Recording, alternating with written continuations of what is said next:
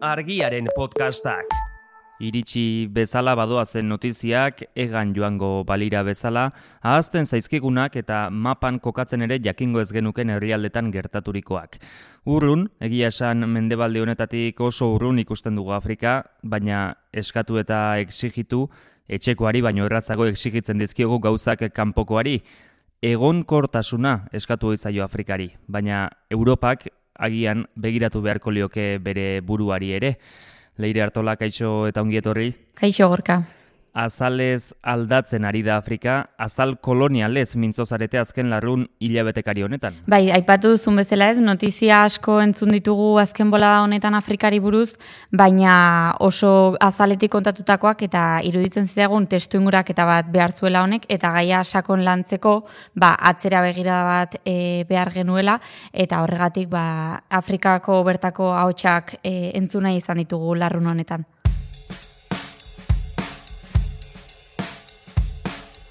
Kaixo, gorka peñagarikan naiz eta hau Larrun podcastak da. Hilero, argiarekin banatzen den Larrun aldizkariari ahotsa jarriko diogu.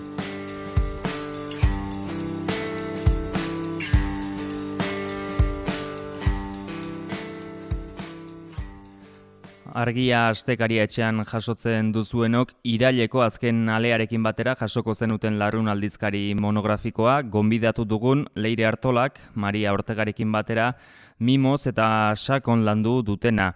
Aipatu dugun modura, Afrika izango dugu izpide saio honetan, Afrikako egungo gatazken sustrai kolonialei erreparatu baitiete, erreportaje luze eta interesgarrian, Leire, e, abia puntu bezala edo, Frantziako presidente Manuel Macronen hitzak entzungo ditugu, Burkina Fason, e, Frantziaren kolonia historikoa izan den horretan, esan zituenak duela bost urte. Quelque part, vous me parlez comme si j'étais toujours une puissance coloniale. Mais moi, je ne veux pas m'occuper de l'électricité dans les universités au Burkina Faso hitz egiten didazue Frantzia oraindik botere kolonial bat balibetzi bezala, hori zioen Macronek, baina nik ez dut nahi Burkina Fasoko unibertsitatetako energia arazoez arduratu nahi.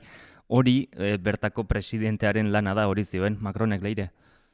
Bai, Macron askotan entzun dugu ez, e, Franz Afrik delakoaren e, gainean hitz egiten, eta azkenekoa badibidez azken aste honetan e, esan berri du e, Nigerretik soldaduak aterako dituela, Frantziako mila bosteun soldadu daude bertan, eta bueno, ba, esan du ja Franz Afrik ez dela existitzen, eta ja bera e, ez duela ja, ez dela arduratuko ba, estatu kolpeak egon diren herrialdeetako gatazkez, ba, nolabait bere, bere arabera ez delako demokratikoa, eta bueno, ba, Frantziak ez duelako hor ez eginik edo ez dela bere ardura. Beraz, Frantzia ez da imperio kolonial bat, hori dio Macronek, baina soldaduak daude, ez? Bai, bai, eta e, larrun honetan ere adierazi nahi izan duguna da, bueno, ba, ulertzeko Afrikako gatazka guzti horiek ba, oso garrantzitsua dela Afrikaren imperialismoa ulertzea eta batez ere sistema neokolonial hori ulertzea, ez? Hor dagolako azkenean funtsa gatazkaren funtsa.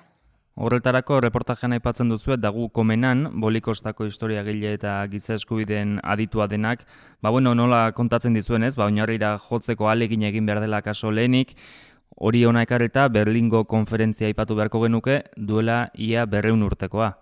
Hori da, bueno, kasu honetan, datorren urtean, 2008 lauan egingo lituzke eunda berrogei urte, Alemaniako agintariak e, Otto von Bismarckek deitu zuenean Berlingo konferentzia honetara, ez? Eta konferentzia hori oso erabakigarria da, ba, kasu honetan, e, bertan bildu ziren Europako potentzia e, gehien txuenak eta e, Amerikako estatu batuak barne, Eta e, bertan, bueno, ba, mapa bat hartu zuten Afrikakoa, e, agintari horietako askok ezagutu ere zutena egiten, eta e, banatu zituzten euren artean koloniak. Horrek zer esan nahi du, e, ba, mugak ezartzeaz gain, egin zutela nola bait, e, zilegitasun bat eman, ba, imperio horiei, ez? E, esan zieten, bueno, zu e, lurralde honen jabe izatea zilegi da, eta hori zer gaitik egin zuten, ba, bueno, gatazka kolonialismo horretan, zeudelako imperioak e, arriskoa zegoelako imperioak elkarrekin gatazkan astea. Beraz, komeni zitzaien euren artean e, Afrika osorik banatzea eta esatea noren jabe izango zen e, bakoitza. Gatazka egongo zen pentsatzen dut imperio, imperio Britaniar eta Frantsesaren artean, ez, bi handienak.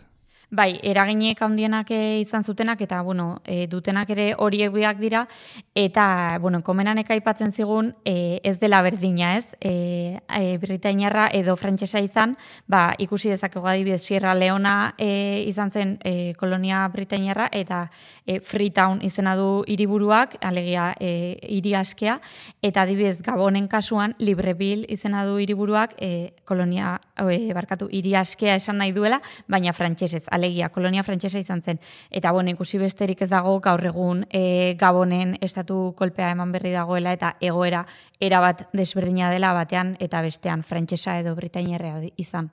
Ba, ipatzen zenuen horren inguruan leire, komenanek eh, zantzizkizuen gauza batzuk ez zirela kontu bera, ez? Libreville eta Freetownen kontu hori?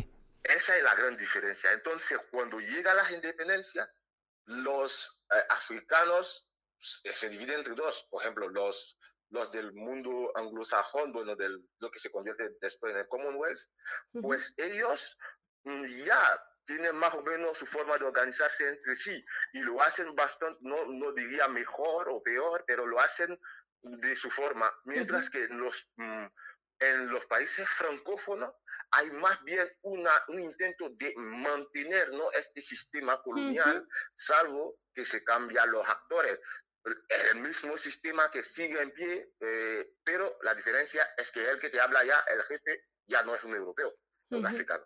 Entonces, es más bien esta diferencia. Por eso, en Ghana, por ejemplo, ha sido más fácil ¿no? una ruptura con la corona británica que en países como Senegal y Costa de Marfil. Gana aipatzen zuen, eh, Costa de Marfil eta Senegal, bueno, Frantziaren kasuan, Gana Britaniaren kasuan, Frantziaren imperioari egur handiago ematen dio komenanek, ez dakite funtzionamenduarekin izango zuen zer ikusia, ez da? Bai, argi esaten duen, esaten duen bezala ez da bat ere berdina independentzia eskuratu izana e, imperio frantsesetik edo imperio britainiarretik eta hori gaur egun ere ikusten da zergaitik. Bueno, ba, hemen funtsezkoa da e, ulertzea Frantzafrik edo e, Frantziako neokolonialismoak e, nola funtzionatzen duen, ez? Adibidez, e, bueno, sistemaren jarraipena ikusteko moduetako bat da moneta. E, CFA monetaren kasua da Afrikako amalau herrialde dago, baina e, moneta frantziakoa, frantziak dauka e, moneta horren boterea. Berrogeita, mila betzireun da berrogeita bostean sortu zen moneta hau, Eta, bueno, hasieran deitu zioten Afrikako kolonia frantsesak, ez? E, sigla horiek hori esan nahi zuten, eta orain e, sigla horren esan nahi aldatu dute, eta esan nahi du Afrikako kooperazio finanzerioa. Funtxean zer da, bueno, ba, bigarren mundu gerra ostean, e, kolonietan ugaritzen ari zen mugimendu independentista eta antikolonialistai aurre egiteko sortu zuten, nolabait kontrolerak ego mekanismo gisa. Eta e, Frantziako Banku Zentralak kontrolatzen zuen amalau herrialde horietako monetaren balioa. Beraz, gaur egun e, horren aurka daudenek esaten dutena da, e, bueno, ba, hori dela kolonia hoien ganako kontrola ezartzeko metodo nagusiena eta gaur egun ere e, oraindik indarrean jarraitzen duena. Nabarmen eruditu zait, reportajean dezen daipatzen da ez, e, bueno, herrialde jakin batzuetatik nola dauden itxasora egindako errepideak, e, itxasora erabaki estrategikoak oraindik ere mantentzen direnak ez, Bai, hori ere, e, komenanek aipatzen zigun, e, sortu zela, erabat kanpora begira, eta erabat Europari begira, eta ez Afrika barneko egitura moduan, baizik eta e, ba, beraien baliabide ekonomikoak esportatzeko egindakoak direla. Zer gertatu da, independentzia eskuratu eta gero ere, e, bueno, ba, agintean jarri direnak, e, komenanek entzun dugun bezala, esan dugun bezala, e, elite, Afrikako elite moduko bat da, eta horiek ere, oraindik interesoien pean daude. Jarraitzen dute, e, aliantzak edukitzen Frantziarekin eta Europako beste zenbait herrialderekin eta beraz sistema guztia ba, esportaziora bideratutakoa da eta Afrikarrek ez daukate ia e, ba, aukera euren artean konektatuta egoteko aukerak askotan e, murritzagoak dira eta adibidez trenbide sarea aipatzeko ba, e, ez dago euren artekoa baina bai esportaziora bideratutakoa. Eta hori oso esanguratsua da ez e, funtzionamendua ikusteko Elite Afrikarra aipatu duzu, pentsatzen dut e, testu inguru honetan ulertu beharko direla estatu kolpeak, e, bueno, gabonekoa, ba, Nigerren eta ikusi ditugu arazoak. Piska bat, bueno, ikusten da, elite horren aurkako jardun bezala. Bai, en, hemen ikusten dena antzekotasuna dutena estatu kolpeek, bueno, e, asko izan dira e, Sahelen e, izugarria izan da mapa ikusi besterik ez dago, eta hor antzekotasun bat dutena izan da, ba hori, azkenean elite horren aurka gertu direla, direla herritarrak ere bai. Eta kasu honetan, ba, estatu kolpea babestu dutela herritarrek zergaitik, ba, azkenean e, Frantziaren aliatuak zirelako besteak beste ez, eta, bueno, ba, herritarrak e, konturatu dira, ba, e, horrela ezin dutela jarraitu eta horregatik estatu kolpe hauek ere testu inguru horretan ulertu behar dira. Eta agintari asko daude urte mordoa dara matzatenak, horre, agintean. Bai, eta hori badakigu ez dela lortzen e, soilik euren erabakiz, baizik eta dauzkate oso aliantza estuak esan bezala e, ba, mundu mailako oso e, botere garrantzitsuekin eta bueno, mekanismo guztiak aktibatzen dituzte hori ala izan dadin. Bueno, ai, ikusi besterik ez dugu, ez? Adibidez, e, Libian Gadafirekin gertatutakoa duela gutxi e, azaleratu da, e, bueno, planeatuta zegoela e, Frantziako eta Estatu Batuetako agintariek erabakita zeukatela ura e, akabatzea. Eta hori berez e, Libiakoa zen, baina noski e, esku hartu zuten e, Europako eta e, Ameriketa e, Ipar Ameriketako potentziak. Eta horregatik e, ahal izan da hainbeste urtetan e, bueno, ba, beraien alde daudenak e, Frantziako alde, Frantziaren alde daudenak, ba, Afrikan agintzen jarraitzeko modua hori izan da. Bistan da ere, ez, ba, mendebaldek esku hartzen duela, baina esku hartzea zaratago exigitu ere exigitzen dietean herrialdei ba, garatzeko e, egonkortasuna eskatzen zaie, azken finean herrialde berriak diren horiek ez urte asko pasaituztelako imperio batenpean.